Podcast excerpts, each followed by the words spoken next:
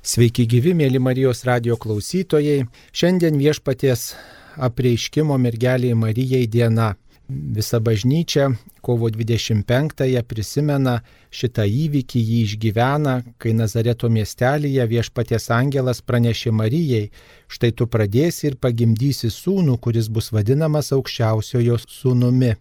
O Marija iš juos angelo žodžius atsakė, štai aš viešpaties tarnaitė, tiesie man pagal tavo žodį.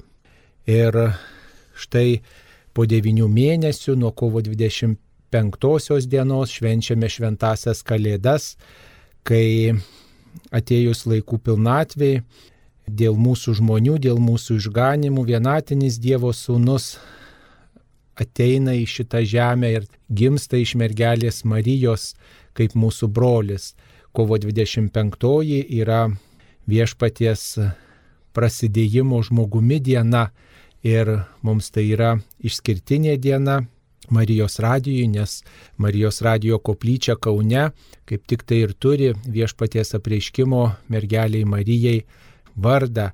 Taigi sveikiname visus Marijos radijo klausytojus visiems, kuriems yra svarbi Marija, kuriems svarbi yra tikėjimo žinia ir kurie ugdo savo tikėjimą klausydamiesi Marijos radijo ir kreipiasi į mergelę Mariją, prašydami jos motiniškos globos ir užtarimo. Štai prie mergelės Marijos apreiškimo visai netoli šalia šio įvykio būdėjo ir šventasis Juozapas. Jis yra tas šeimos globėjas, šventosios šeimos globėjas, visų mūsų šeimų globėjas ir visos bažnyčios globėjas, kuris ugdė viešpatį Kristų gimusi, kuris globojo viešpaties belaukiančią mergelę Mariją. Ir šiais Juozapo metais labai gražu, kad mes atnaujiname ryšį su šventuoju Juozapu, įsižiūrime į šią asmenybę ir iš jo daug mokomės. Popiežius Pranciškus šiuos metus yra paskelbęs Šventojo Juozapo metais, nes kaip tik minime 150-asias metinės nuo Šventojo Juozapo paskelbimo visuotinės bažnyčios globėjų. Ir tą progą popiežius Pranciškus yra parašęs apaštališką į laišką Patris Kordę, tėvo širdimi, taip šis laiškas prasideda ir apie šį laišką kalbamės su Vytauto didžiojo universiteto katalikų teologijos fakulteto dekanu nuolatiniu diakonu Benu Ulevičiumi, kuris yra ir šeimos tėvas, ir jam taip pat šventasis Juozapas gali teikti daug įkvėpimo jo tarnystėje ir darbuose. Taigi apie šį laišką Patris Kordė kalbame su Benu Ulevičiumi.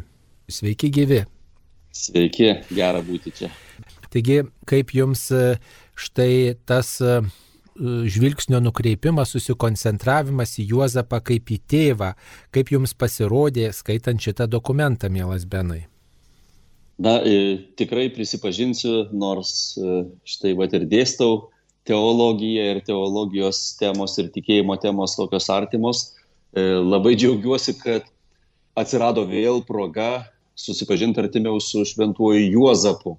Nes tokios sakyčiau, labai intimios pažinties dvasinės juo net ir neturėjau.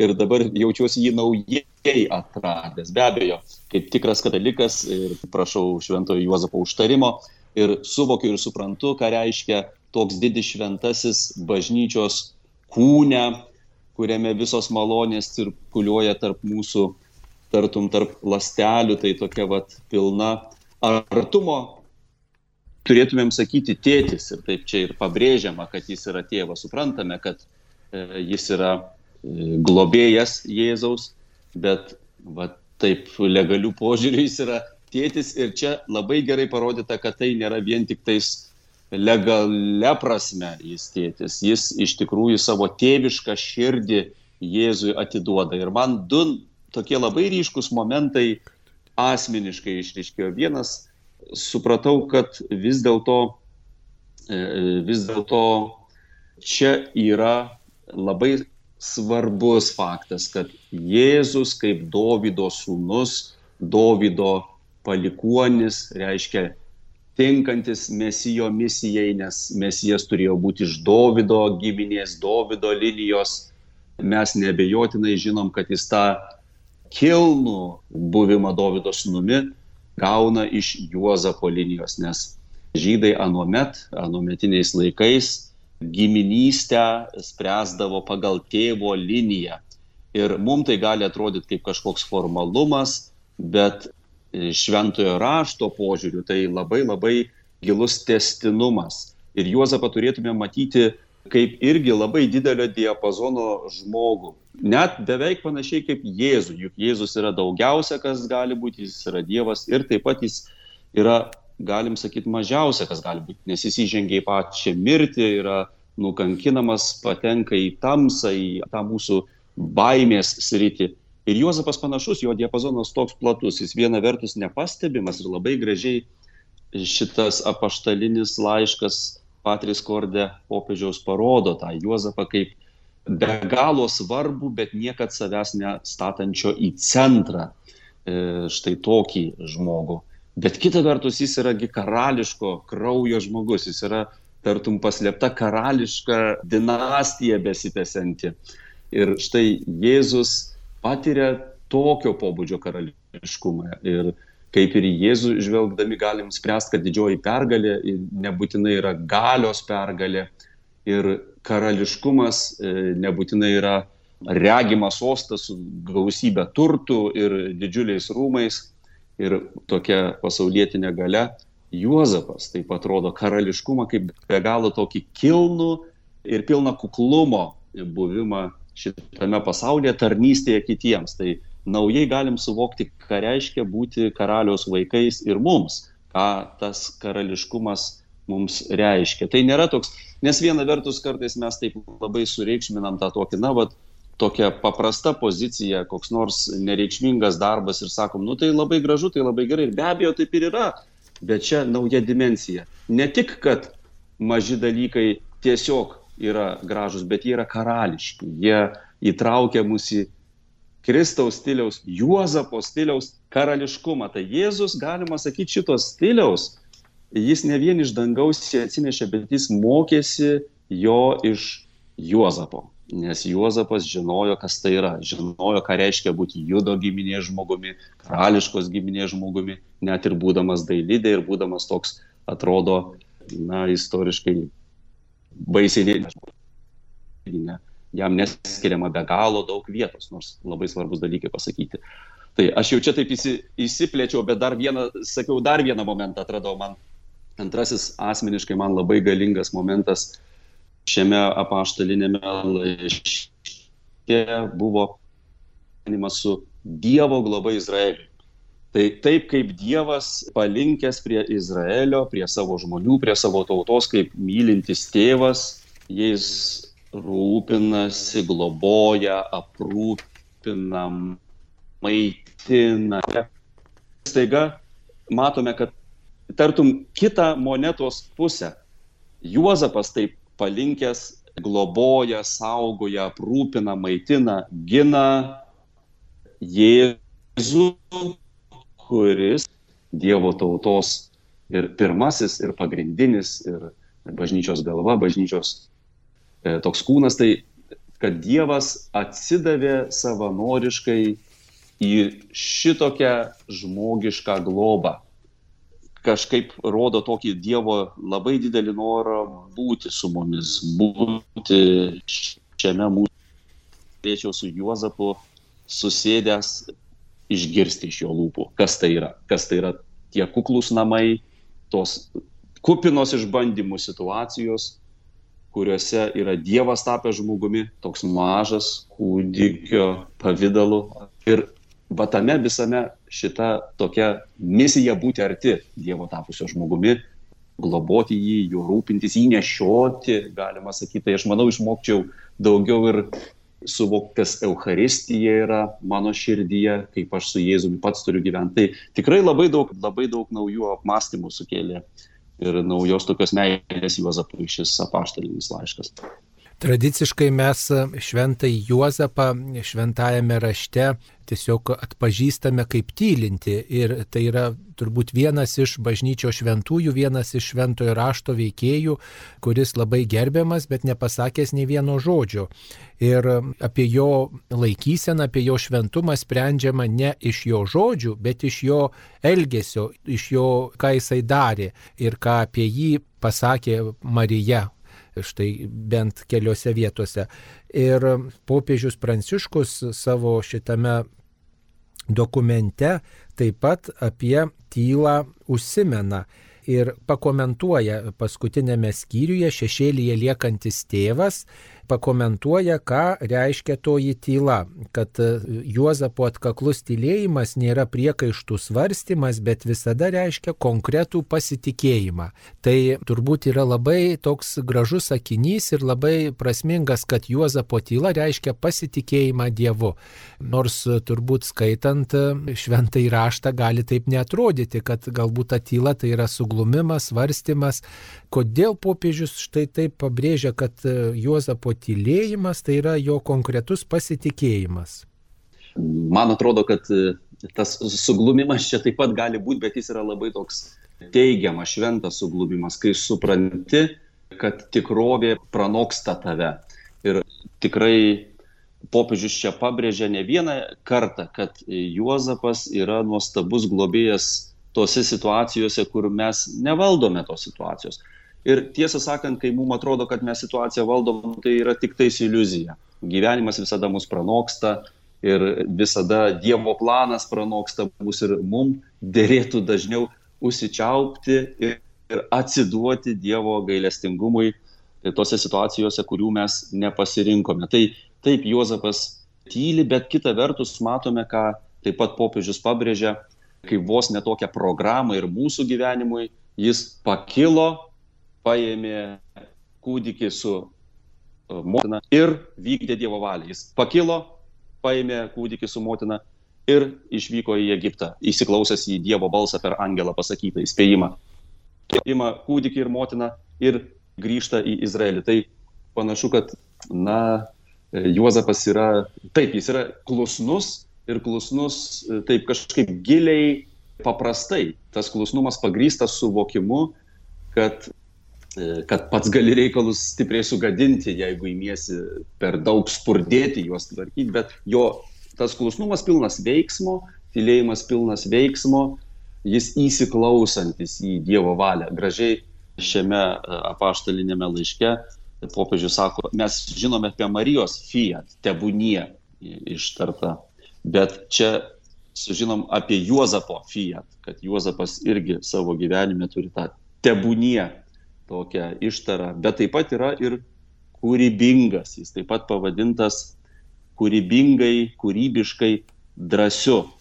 Tai labai gražus toks tikrovės, kurios nevaldai, taip pat Dievo valios, kuria pasitikė, kad Dievas visada šitą tikrovę gali net ir skausmą, net ir išmėginimą ir pavojų paverst į kažką gerą, taigi iškart atiduodi situaciją į Dievo rankas ir kūrybingai mėgini bendradarbiauti su Dievo pagalba, Dievo žinia, kuri tau toj situacijai duodama. Ir popiežius gražiai pastebi, kad ta istorija apie gimimo Jėzaus naktį, juk kiek vis dėlto kūrybingumo turbūt reikėjo toj kelionėje greitai suvokti, kai negali lūkuriuoti ir galvoti, kaip geriausiai viską sutvarkyti, kai kūdikis jau ateina į pasaulį ir tam e, vadinamam tvartelį.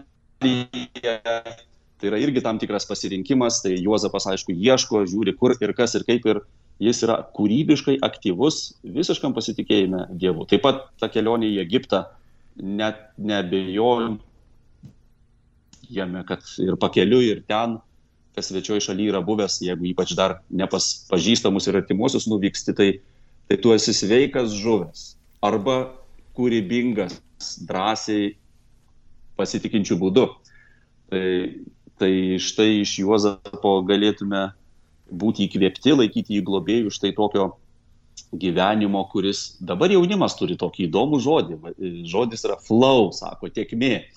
Ir tą būsena palygina su, nu gal tokia šiaip pasilinksminimo sryčiai, gal artimesnių dalykų, bet kaip banglentininkai. Jie laukia bangos, laukia bangos ir kai banga yra, tai tu ją teisingų būdų turi iššokti ant tos banglentės. Bet tada jau viskas, tada jau tu nešamas tos bangos ir, ir jie liūdė, sako, patiri ypatingą tokią būseną, kai tave tikrovė neša. Ir man atrodo, mes va, čia kartu su Juozapu, Juozapas rodo, kaip tu krenti ant Dievo bangos, kai negali situacijų sutvarkyti, pats kažkaip sureguliuoti, tu krenti ant Dievo bangos ir patiri tą Dievą kūrybingai bendradarbiaudamas. Turbūt taip. Na tai man taip pat pasirodė tas labai gražus, kūrybingas tikėjimo apibūdinimas, drąsos apibūdinimas, kad tai yra kūrybinga drąsa. E, kūrybingumas apskritai, e, atrodo, su tikėjimu net negali turėti nieko bendra, tačiau ypač šiais laikais, kaip tą tikėjimą išreikšti ir kaip tą tikėjimą skelbti kitam, tai tikrai kūrybingumas yra vienas iš tų būdų, kurie na, gali mums labai padėti šitą laišką tiesiog pritaikyti. Ir kaip tik tai šiame penktajame skyriuje kūrybingos drąsos tėvas, taip jis pavadintas šitas skirelis, yra toksai vienas sakinys. Jeigu kartais mums atrodo, kad Dievas mums nepadeda, tai nereiškia, kad jis mus apleido. Tiesiog tai rodo, kad jis pasitikė mumis ir tuo, ką galime suplanuoti, sugalvoti ir atrasti. Ir toliau čia rašoma, kad Jėzus vertina kūrybingą tikėjimą, su kuriuo tie žmonės tengiasi ateiti pas Jėzų. Čia cituojamas e, štai iš Evangelijos e, toksai sakinukas, kad e, bičiuliai atnešė sergantį žmogų ir su neštuvais nuleido ties Jėzumi praardę stogą tam, kad e, tas žmogus būtų prie pat Jėzaus ir pasveiktų. Tai tiesiog pristatomas kaip kūrybingo tikėjimo pavyzdys. Tai, na, va, toks paskatinimas e, tikėjimą išgyventi kūrybingai turėtų būti išgirsta šiais laikais. Kaip e, galėtume mes štai tą pritaikyti savo gyvenime, štai tą kvietimą būti kūrybingos drąsos tėvais, kūrybingos drąsos krikščionimis. Na be abejo, kasdieną ir, ir visur, kur tik tais e, ką e, darome savo gyvenime, tai be abejo, na, kūrybingumas atgaivina viską, ką mes e, darome. Taip pat ir ypatingai dabar pandemijos tos metu tokios viruojančios bažnyčiai kaip niekada to kūrybingumo prireikė. Mes viešpaties esam įgalioti, pašaukti, siūsti misijai ir staiga pamatom, kaip labai lengva, tartum, įprast prie savo metodų, veikimo būdų ir pasimesti, jeigu keičiasi, vis linka keičiasi situacija taip stipriai, tu savo tų senų įprastų veikimo būdų jų nelieka, o misija lieka, meilė žmonėms lieka, pašaukimas lieka ir, ir matome, tiesiog esam liudininkai, kaip dvasia veikia, pažadina dama kūrybingas pastangas staiga visai kitaip ir pasiekti su Evangelija klausytoje ir taip pat galvoti, kokiu būdu burti bendruomenę, palaikyti toliau tęsti parapijos e, pulsą. Tai taip pat šeimose savo e, labai gražiai parodyta, kad Juozapas nėra savininkiškas. E, ir man atrodo, tas kūrybingumas čia tėvam ypatingai šiais laikais, kai mes mėginam pabrėžti tokią sąmoningą tėvystę sąmoningą buvimą šeimoje. Neužtenka vien tik tais socialinės tvarkos tokios, e, sutarčių kažkokių ir tradicijos, kuri mus neša per gyvenimą. Dabar asmeniškai daugybę dalykų, daug daugiau renkamės nei anksčiau. Ir šiame apaštalinėme laiške popiežius duoda dvi situacijas kaip pavyzdį iš Juozapo gyvenimo. Pirmiausia, Juozapas yra jis lieka tokia, na gerąją prasme šešėlį, jis yra visada čia pat, greta su Jėzumi ir su Marija. Bet augindamas Jėzų, jis e, pats savęs nestato į centrą, bet užleidžia vietą savo sūnui, savo vaikui, savo šitam e, augančiam, greičiausiai ir vaikui, paskui ir paaugliui. Ir va tėvam, kaip nebūti savininkiškais ir kartu rodyti ir autoriteto pavyzdį, netampant autoritariniais, kaip čia popiežius sako, ir įgalinti vaikus siekti kažkokių tikslų, nepaverčiant visko vien tik tokiu taisyklių viešpatyje, muštro viešpatyje. Tai kaip, kaip siūsti tą jauną vaiką, jauną jaunuolį į pirminį gyvenimą, suvokiant, kad tai yra unikalus liepinys, kad tai nėra mano kažkokia tai kopija, kad man, mano gyvenime tas vaikas yra ne tam, kad aš jį kaip šiltą tokią tešlą minkyčiau į ką tik tais mano užgaidos rodo, bet įsiklausyčiau į Dievo valią to jauno žmogaus, mažo žmogaus gyvenime. Tai Juozapas čia yra kaip pavyzdys ir taip pat labai labai galinga išvalga. Juozapas turi skaiščią meilę, jis myli Mariją skaiščią meilę ir mes dažnai nu, galvom, kas tas skaistumas, kas tas skaitumas, o čia taip tiesiai į centrą. Skaisti meilė rodo nesavininkiškumą, Jis myli nesisavindamas, jis myli nesiekdamas suvirškinti tą kitą žmogų arba panaudoti savo kažkokiam tikslui ar, ar numalšinti, kad ir savo ilgesį ten prigimtinį. Tai čia labai gražu ir irgi kiek kūrybingumo reikia, kad santykiai šilti būtų tvirti, šilti ir kartu tokie nesisavinantis ir šeimos gyvenime. Na ir bažnyčios gyvenime mokomės įsiklausyti dvasią ir bendrauti, būti kartu Dievo meilėje. Tokios turbūt tos mintis čia apie tai.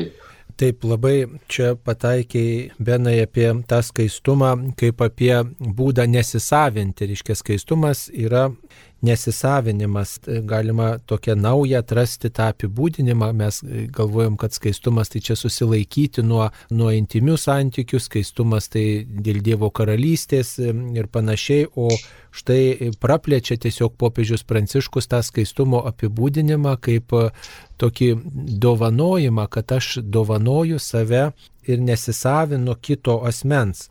Dar e, vienas toksai aspektas, reiškia apie tėvystę. Mums kartais atrodo, koks tas Juozapas yra tėvas, jis sužadėtinis, kai iš čia gyveno, tai kur čia ta tėvystė. Ir čia popiežius taip pat dokumente septintajame skyriuje pabrėžia, kad tėvystė tai ne tik tai yra tuo met, kai į pasaulį paleidžiamas vaikas, bet kai atsakingai juo rūpinamasi. Kaip galėtume va, tą atsakyti atsakomybę už kitus. Čia jau šiek tiek e, minėjote, kad reiškia, ta atsakomybė kartais gali būti tokia suprantama kaip tas savinimasis kito žmogaus nurodymas, kaip reikia elgtis. Tačiau kaip e, pagal popiežių ta atsakomybė galėtų už kitą žmogų reikštis šeimose ir bendruomenėse gyvenime.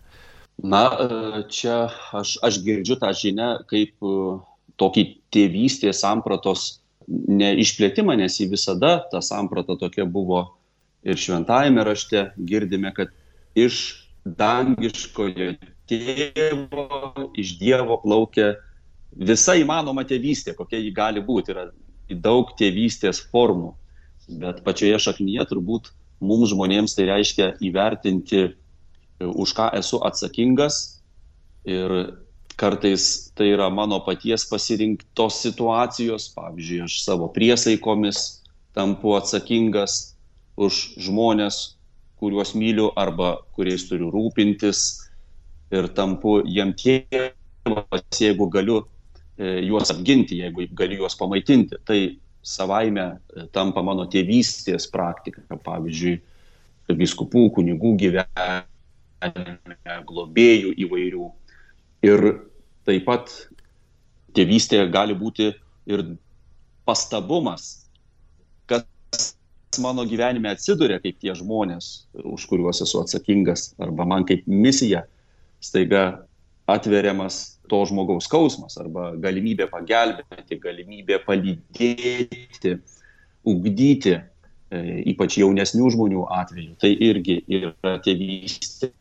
Tai kai pamatome štai tokia tėvystės širdį tampa mažiau svarbu, ar tai mano biologinis vaikas, ar įvaikintas vaikas, ar, ar žmogus greta esantis, kuris tam tikroje srityje gali būti vaikas. Gal kitoje srityje jis tau kaip tėvas, nes jis daug labiau išmano ir tau reikia jo pagalbos ir, ir globos, bet tam tikrose dalykuose tu tampi tuo tėvu. Kiekvieną kartą pamokydamas, kiekvieną kartą pasidalindamas išmintimi praktikuoji tokią tėvystę. Kaip dažnai mes atradę gerus dalykus, mėginam, pavyzdžiui, savo pasilaikyti, nes mums atrodo, kad tapsi pažeidžiamas jais pasidalindamas things ir visi pradės ten naudotis ir tu prarasi kažkokį monopolį. Tai va tėvystė yra tas atviras nuolat linkėjimas kitam gero. Ir tai yra ir meilės e, šerdyje.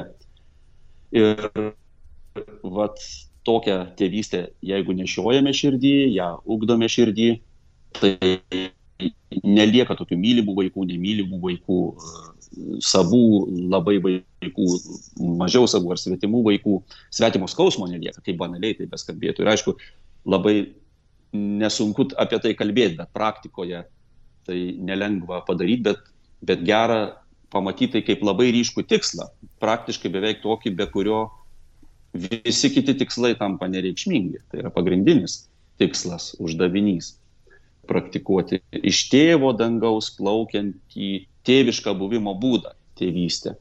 Tai aš čia, kaip sakyčiau, netgi tokią e, matyčiau vieną iš bendriausių užduočių žmonijai, nes kas Dievas yra, jis į tą žmogų ir suteikia. Štai šventas Dievas šventina, gyvas Dievas gaivina, labiau esanti, asmeninis Dievas, jis asmeninis laimingas Dievas, jis laimina mus ir tėvas, Dievas kaip tėvas tėvina, net amerikiečiai turi tą žodį fathering, tai jis perkelia tėvystės savybę į mus. Tai yra šventumo sudėdamoji dalis tokia būti, tapti tėvu. Na, tai mes ir tėvai, ir sūnus, ir dukros mes praktikuojam, aišku, tas šventumas turi savo tokių, va, kaip daugia breulis deimantas svarbių momentų.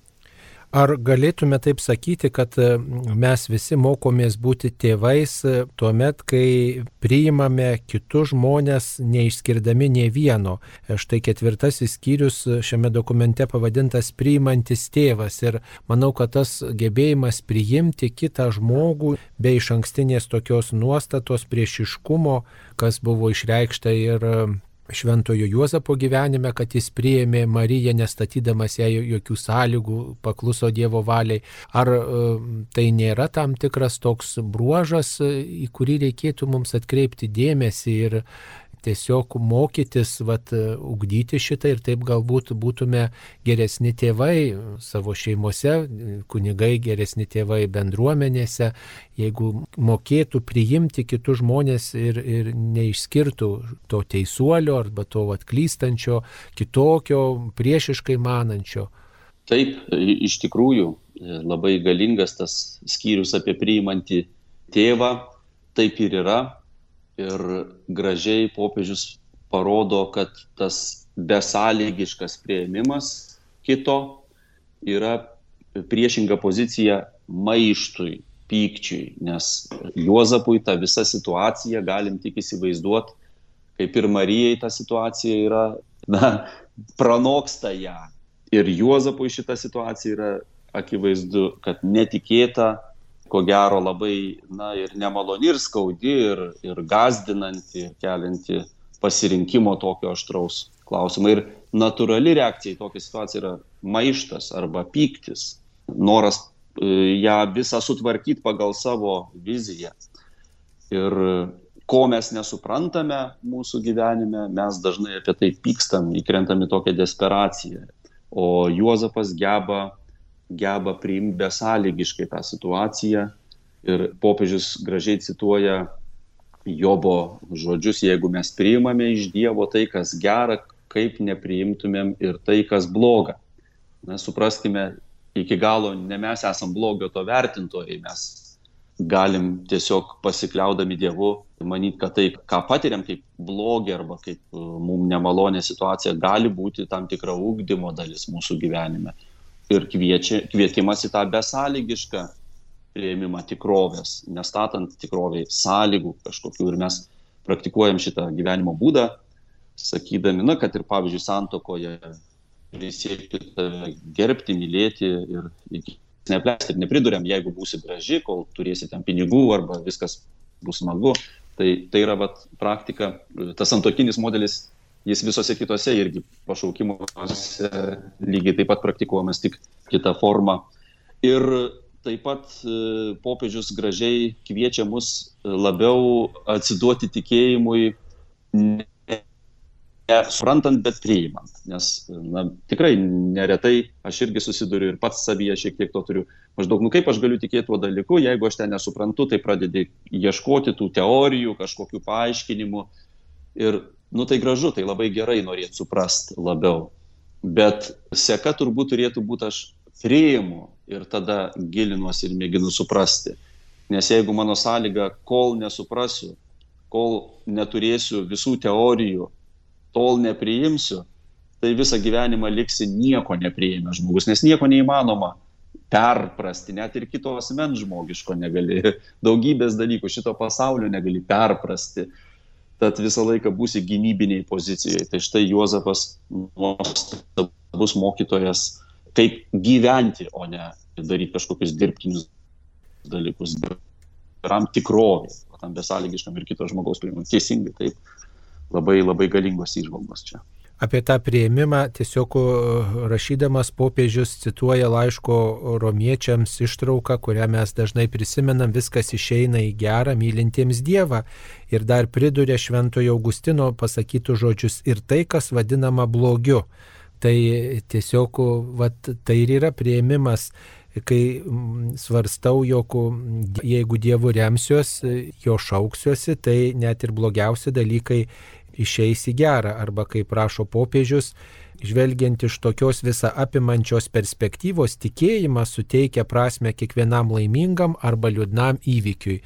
Tai štai tas prieimimo aspektas - priimti tikrovę tokia, kokia yra ir priimti kitą žmogų toks, koks jis yra. Taigi tas pastebima Švento Juozapo gyvenimo istorijoje. Dar vienas dalykas, kurį norėtume aptarti su jumis, e, mielas Benai, tai yra tą švelnumą, jautrumą, gailestingumą ir autoritetą. Atrodo, kad tai nėra suderinami dalykai. Jeigu tėvas, tai jis toks griežtas ir, ir toksai rimtas, santūrus, toksai gal kartais kietas, nežinau, čia gal mūsų įvaizdis iš mūsų tėvystės patirties, bet kita vertus ir Juozapas tiesiog nepasirodo ten kažkoks lengvabūdiškas ir apskritai tėvas šventam rašte toks gana jautrus, bet, bet na, toks e, rimtas e, asmuo, o štai švelnumas ir gailestingumas, e, kaip vat dera su tuo autoritetu. Man labai daug gražių niuansų yra tuose žodžiuose Marijos, galima sakyti, Marijos ir Juozapo, kai jie randa Jėzų šventykloje. Jėzus pasimeta ir galima įsivaizduoti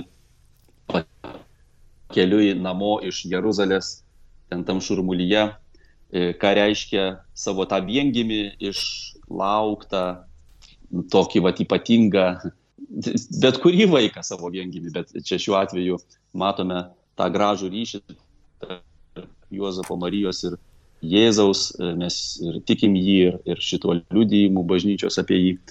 Ir, ir jie ieško jo, jo ilgai ieško. Ir tada ir galima įsivaizduoti, nu, daug tėvų ieškodami viena vertus tą vaiką myli, bet taip pat ir e, gali ir stipriai keiksnoti galvoje. Na, na, surasiu tai kailį iš karščio, ar ne? Kiek tokių atvejų būna, kai ir čia staiga vaikeli, kodėl tu mums tai padarėjai. Ir, ir tuose žodžiuose tiek ir tokio rūpeščio, meilės, jokio grasinimo nėra. Iš tikrųjų, na, tikras nesuvaidintas toks rūpestis sklinda iš tų žodžių. Taip mes nemokame, mums čia labai daug mokytis e, tenka. Kaip ir pats Jėzus, jis yra toks e, švelnus, bet niekad nepasakysi, kad jam kas nors užlipo ant galvos, pavyzdžiui, ar ne, kad jis toks kaip e, pagal plauką glostomas, kur papūsi ten ir pasiduos. Jis tikrai kiekvienam žmogui atviras ir švelnus ir turi kiekvienam asmenišką meilę bet nu jo taip nepastumdysi paprastai. Ir jis yra reiklus taip pat, jis e, yra pilnas tam tikro autoriteto ir gali būti ir griežtas, bet niekada nėra opresyvus, niekada netampa žiaurus. Tai tikrai didelis uždavinys mums. Ir čia tėvai ypatingai vaikų auginimo srityje, ūkdymo, tai nuo vieno kraštutinumo į kitą. Mums labai labai sunku būti integraliems žmonėms. Tai jeigu jau mes švelnus, tai tada ir tiek atlaidus, kad jokio autoriteto nelieka. Jeigu autoritetas, tai tada jis turi pavojų virsti šaltą, tokį žiaurų tą autoritetą. Tai daug yra čia, ką apmastyti, pagalvoti. Juozapas geras pavyzdys, mums rodomas kaip pavyzdys švelnaus ir mylinčio tėvo. Ir aš jau minėjau tą palyginimą popiežiaus šešioje vietoje Juozapo globos Jėzui su Dievo globos stiliumi tautai. Ir ypatingai Senajame testamente kartais net toks susidaro klaidingas įspūdis, kad Dievas yra, na, žiaurusis, jis tiek reiklus atrodo, tiek jau to autoriteto, kad greta tu pamatai, visas motyvas yra grina, neatskiesta tikra meilė. Rūpestis Dievas visada nešioja tautą, žmonės, kaip savo vaiką, kaip savo augantį kūdikį, galima sakyti, širdyje pilnoje meilės. Tai man taip pat tai susisieja su Pauliaus žodžiais, ką Dievas myli, tą ir, ir mūsų vertimai sako, pabaudžia kai kurie vertimai, bet ten graikų kalboje yra toks žodis susijęs su pedagogika, paidoumeta. Jis pedagogiškai ugdo, kitaip tariant. Jo niekada tas pabaudimas, kabutėse, nėra toksai savitikslis. Dievo visas rūpestis yra, kaip dabar tą vaiką, sakykime, kaip jį padaryti laisvesnį, labiau įgalintą gyvenimui, labiau sutvirtintą gyvenimui. Ir kartu neužkietinta, kartu e, turinti tikrą širdį. Ir tai toks vat, ūkdymo menas, kurio Dievas yra ėmėsis žmonijos vat, mūsų atžvilgių. Ir tol mūsų pedagogika nėra iki galo gera, kol jai trūksta kažko va iki tokio Dievo stiliaus, sakykime, Dievo ugdomosios mokyklos, va tokio būdo ugdomojo. O ar nekyla, Bena, jums tokia mintis, kad e, štai galėjo tai Dievo pedagogikai lengvai Juozapas paklusti, nes vat, patyrė per sapną tą padrasinimą, kvietimą ir tada, nu kaip jau čia prieštarausi Dievui, kuris į tave kreipiasi. Tai tiesiog gal, gal tas Juozapas apdovanotas buvo ta malonė, kad aiškiai suprato, jog Dievas vat, jį kviečia tokiai ypatingai misijai - būti globėjų, būti tuo žemiškojų tėvų, dieviškajam vaikeliu ir be piga jam būti klusniu. Ir, ir popiežius Pranciškus čia šitame dokumente tokį vieną skirelį turi turi klusnus tėvas, nes išmoko vykdyti Dievo valią. O mums tai nuolatinis yra klausimas, kaip tą Dievo valią vykdyti. Tai kur čia mums Juozapas galėtų būti tuo, tuo mokytoju, tuo padrasintoju, tuo pavyzdžiu, tuo, tuo ženklu, kad ir mes galim tą Dievo valią vykdyti. Kaip ją mums suprasti? Man atrodo, kad e, Juozapo klusnumas nėra sapno rezultatas, bet vis dėlto paties jo santykio su Dievu, jo nuolankios ir atviros širdies tokios gyvos širdies rezultatas, nes tie sapnai, kokie jie bebūtų, Dievas gali duoti ženklus, rodyti ženklus ir, ir duoti tas išvalgas ir pasakyti, bet kaip mes interpretuojame tai, ką mes ten regėjome ar matėme ir išgirdome, vis tiek pagaliau priklauso nuo mūsų pačių noro išgirsti arba nenoro išgirsti. Ir jeigu yra nenoras išgirsti, visada sakai, na, nežinau, ar tikrai vis tiek gal, gal pasirodė, gal, gal susišvietė, ypatingai dienom praėjus kažkiek laiko tau tas įspūdis išblėsta ir tu sakai, aš net nežinau, tada atrodė taip, o paskui gal ten nieko ir nebuvo, ar ne? Tai štai kaip pabrėžia pirmąją meilę kaip svarbų dalyką e, apreiškimo knyga sako, aš prieš tave turiu, viešpats sako, kad tu pamiršai savo pirmąją meilę. Tai va didelis menas tą Dievo išgirstą kryptį, kelią, turėti nuolat gyvą, tartum čia dabar ją būtum išgirdęs. Ir tam reikalinga tikrai atvira, nuolanki, budri, dėmesinga širdis, neįsiblaškiusi. Gali nuostabiausią dalyką žmogus iš Dievo sužinoti ir jeigu jis ne, tiesiog yra įsiblaškęs, čia pat jau jis šoka prie kito žaislo, ne, jis neišlaiko krypties. Tai man atrodo tai, kad Juozapas darė labai realius, e, stiprius e, sprendimus, kurie keitė labai visos šeimos gyvenimą, rodo Juozapą kaip ištikimą, budrų ir na, tokį nuoseklų ir labai labai atvirą Dievo balsui e, žmogų. Man atrodo, kažkaip vat, taip. Ir, ir jam nebuvo lengviau, todėl kad dar kita priežastis būtų, kad piktasis, jis gi mato, kur drama prasideda ir vyksta kažkokie Dievo karalystės reikalai. Jis nutokia. jis nežino daugybės dalykų, bet vis dėlto jis pastebi šventą žmogų, atvirą žmogų ir tada meta savo pajėgas į tą atvirą žmogų. Tai štai kodėl kartais mes pavojaus tamsos karalystėje. Bet jeigu kas nors imasi rimtai praktikuoti va tokio pobūdžio globą kaip Juozapas, vien jau tai, kad jis neatstumė Marijos, kad jis priemė besąlygiškai ir nesavininkiškai ir nesigvieždamas, tai tokios kokybės ir atvirumo Dievui ir tokios meilės žmogus, kad man atrodo viso pragaro dėmesys iš karto patraukiamas ir tada papildomos atakos, papildoma kova prasideda. Tai Juozapui neabejoju, kad tikrai nebuvo lengviau nei mums. Na, vis tiek susidaro toks įspūdis, turbūt, vat, apmastant Juozapo gyvenimą, kad tai buvo toks e, toli nuo mūsų gyvenantis žmogus, ir atrodo ypatinga Dievo globa patyrė, nes ir šalia Marijos buvo, Marijos sužadėtinės, ir šalia Jėzaus buvo, ugdė Jėzų, mokė jį amatininko amato ir atrodo, kur čia mes galėtume prie jo, na, tarsi kažkaip prisiderinti. Ir man asmeniškai tokia truputėlį būna priartėjimas prie Juozapo tada, kai matau, kad kažkas kitas prie jo priartėja arba jį laiko labai vertingų šventuoju toks tarsi padrasinimas. Ir šiame dokumente pirmajame skyriuje popiežius Pranciškus primena ter, šventąją Teresę Vilietę, kuri Šventojo Juozapo globai buvo pavedusi daug reikalų ir popiežius rašo, kad ši šventoji pasirinko jį savo gynėjų ir užtarėjų ir dažnai kreipdavosi į jį ir gaudavo visas malonės, kurių prašydavo savo patirties įkvėpta ši šventoji skatino ir kitus įmaldingai gerbti. Ką dar galėtumėt jūs pasakyti, ar jūs va, tokie žodžiai įkvėpia, padrasina taip pat na, nepraleisti pro savo akiratį šio šventojo? Taip, be abejo. Ir čia yra bažnyčios grožis. Ne vienas iš mūsų neturime tokio šimtaprocentinio gebėjimo mylėti vienodai visą bažnyčią, visus bažnyčios dalykus, nes nei mes esame apriepę juos, nei mūsų gyvenimo kelioniai yra galimybė iš viso viską apriepti, va, tai ta tiesa ir, ir Dievo teikiami tokie išganingi dalykai bažnyčioje kaip kūne gyvena visumoje. Ir man atrodo labai, nu kaip, normali situacija, kad ne visi mes esam tuos pačius šventuosius atradę, tų pačių šventųjų vienodai įkvėpti ir dėl to net nereikia turbūt ir tokios kalties jausmo turėti. Bet labai neišmintinga sakyti, ai, tas šventasis tai man ten nepatinka, neįdomus, nes jis man toks pilkas ar kažką aš ten.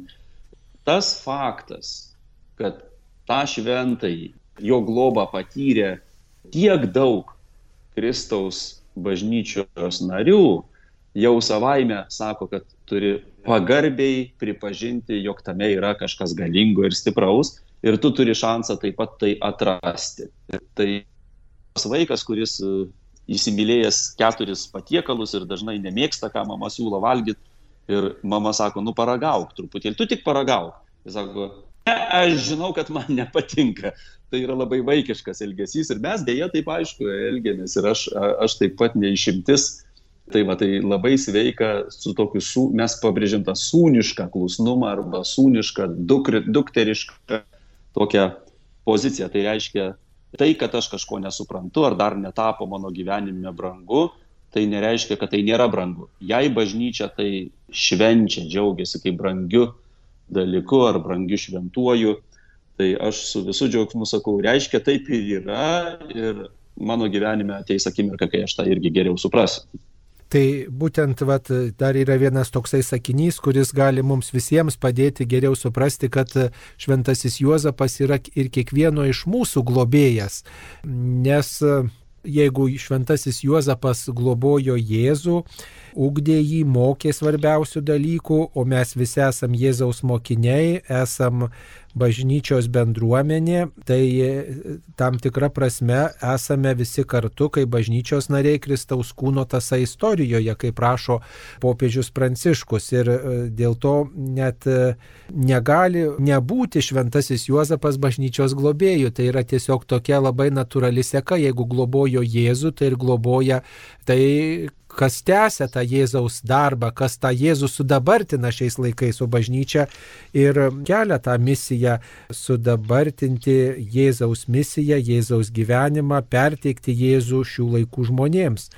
Ir tas susitapatinimas su su Jėzumi ir su bažnyčios nariu taip sąmoningai turbūt irgi mums priartina šventai Juozapą kaip ne tik tai kaip visos bažnyčios globėja, bet ir mano kaip bažnyčios nario tokį santyki su juo. Ką apie tai galėtume pasakyti? Taip, e, tikrai taip, nors pati idėja nėra labai taip lengvai suprantama. Čia šioje vietoje man atrodo, yra labai galinga bažnyčios mokymo dalis ir reikia šiek tiek pastangų, kad ją suprasti. Aš tą globojimą gal aiškinčiau, tai bažnyčia jį aiškina, bet nu, tokių palyginimų jau minėtų tuo e, kūno palyginimu. Kai mes sakom, kad užtarė mus šventasis Juozapas arba mus globoja, kuris kitas šventasis, tai nederėtų įsivaizduoti, tartum tokią kontorą, kur tu niekaip negali pas direktorių patekti, įskyrus per kokius nors ten vicedirektorius ir tas duris varstyti reikia, reiškia, tu tam Jėzui net ir asmeniškai nerūpi, taip išeitų, nes jis padėjęs tarp savęs ir tavęs daugybę tų šventų ir tu ten su jais tvarkykis. Tai labai biurokratinis požiūris, bet jeigu matome, kad žmonija yra kaip organizmas, tada nėragi tokios sveikatos, kurią viena lastelė pasiglemžusi ir turi. Ta sveikata sklinda per tas lasteles. Ir visą laiką ji tarpininkaujama. Aš negaliu gauti vitaminų, nei e, kitų gerų dalykų savo organizme, jeigu jie neprateka per tas visas lasteles. Tai yra šitam organizme kai kurios labiau sergančios lastelės, nuodėmingos, sakykime, turi net ir kažkokį vėžį, kurį jau labai reikia gydyti ir, ir detoksikacijos reikia nuo įdų, nuo nuodėmių. O yra tokios lastelės, kurios, kurios labiau persijėmusios tą Kristaus sveikata. Ir štai, kad iš Kristaus visa sveikata į mus teka, kaip kūnė įcirkuliuoja. Ir visos tos veikesnės lastelės yra tie šventieji, kurie leidosi išgydomi Kristaus, sutvirtinami, sutvirtinti yra, juose sveikatos daugiau ir ir aš visada Kristų patiriu per kitus. Net ir šitam apaštaliniam laiške popiežius labai gražiai ir kalbėjo apie tai, kad niekada nesame išgelbėjami vieni, užsklesti, ar ne, mes visada esame susiję.